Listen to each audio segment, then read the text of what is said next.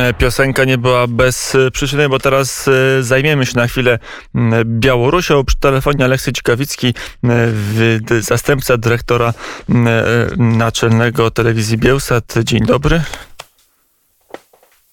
Dzień dobry. Halo? Dzień dobry, słyszymy się.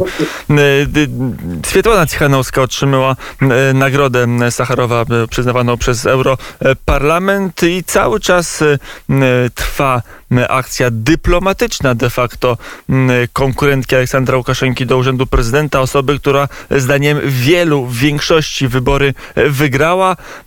Jak ta akcja przebiega i na ile temat Białorusi cały czas jest tematem, przepraszam za słowo, ale sexy, tematem, który jest istotny i jest aktualny na europejskich salonach dyplomatycznych. No oczywiście to, że dzisiaj Świetlana Cichanowska nie tylko ona e, można powiedzieć, e, społeczeństwo białoruskie, nie opozycja, społeczeństwo białoruskie dostało taką nagrodę.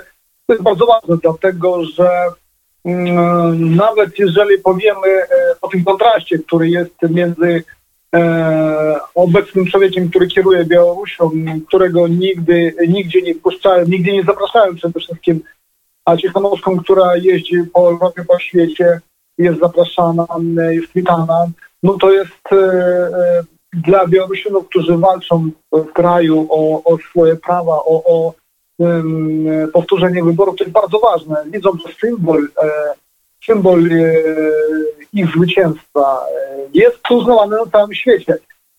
Więc to jest bardzo ważne. Oczywiście to też oznacza ofensywę no, dyplomatyczną.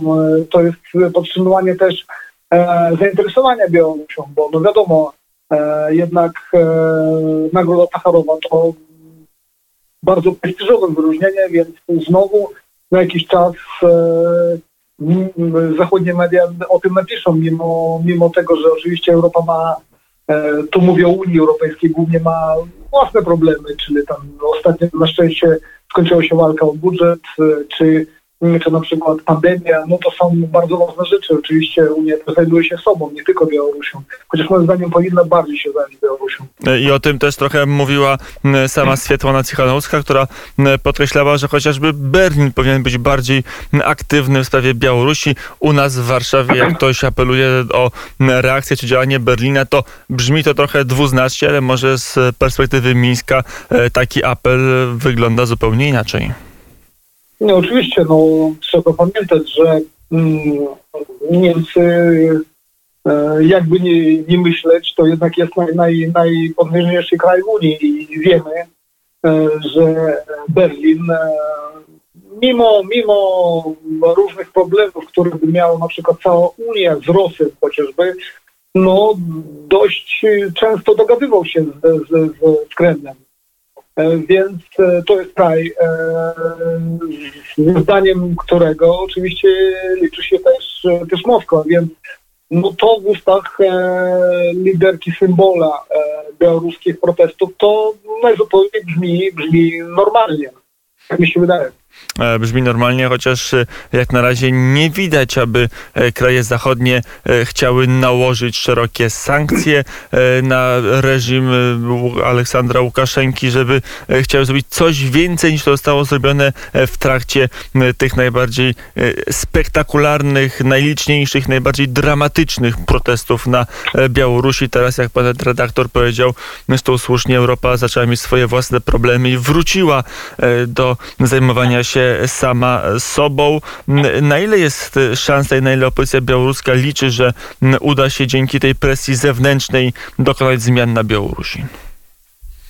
Oczywiście e, prawda jest taka, że e, każda rewolucja czy każde zmiany, no to dokonają się w środku kraju, nie gdzieś za granicą. Natomiast e, wsparcie, wsparcie jak najbardziej jest potrzebne. Wsparcie dla osób represjonowanych, no, wsparcie dla działaczy związkowych, czy tam robotników, którzy przystępują jednak do, do, do strajków. Tam na Białorusi może to nie jest masowe zjawisko, ale jednak są tacy. Każdy, kto um, odważy się albo rozważa przystąpienie do strajku, powinien wiedzieć, że jeżeli zostanie wyrzucony, dajmy na to z pracy, to może na przykład liczyć na to, że e, dostanie e, półroczną pensję, żeby mógł spokojnie poszukać innej pracy albo jakieś inne wsparcie, bo to jest ważne. E, Możemy teoretyzować, że dlaczego nie ma strajków na białoruskich zakładach. No to bo każdy, każdy się boi stracić pracę, szczególnie w małych miasteczkach.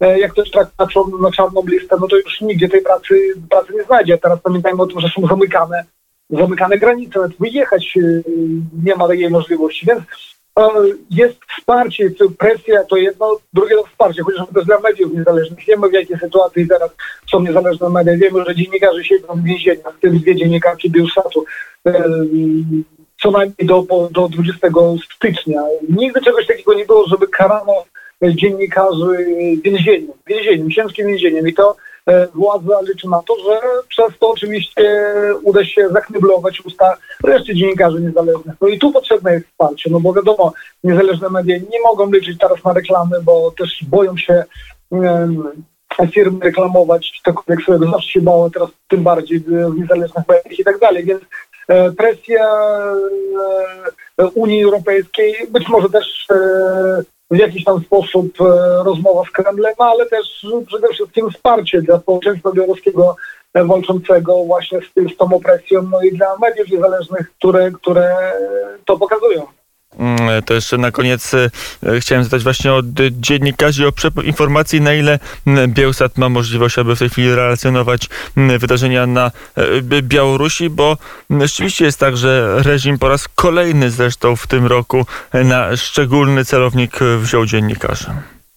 No tak, w tym roku to jest oczywiście bezprecedensowa. Nasi dziennikarze osiedzieli już, naszych wsadzono 27 bodajże i osiedzieli już e, około 400 dni, e, 400 dni, e, czyli ponad rok.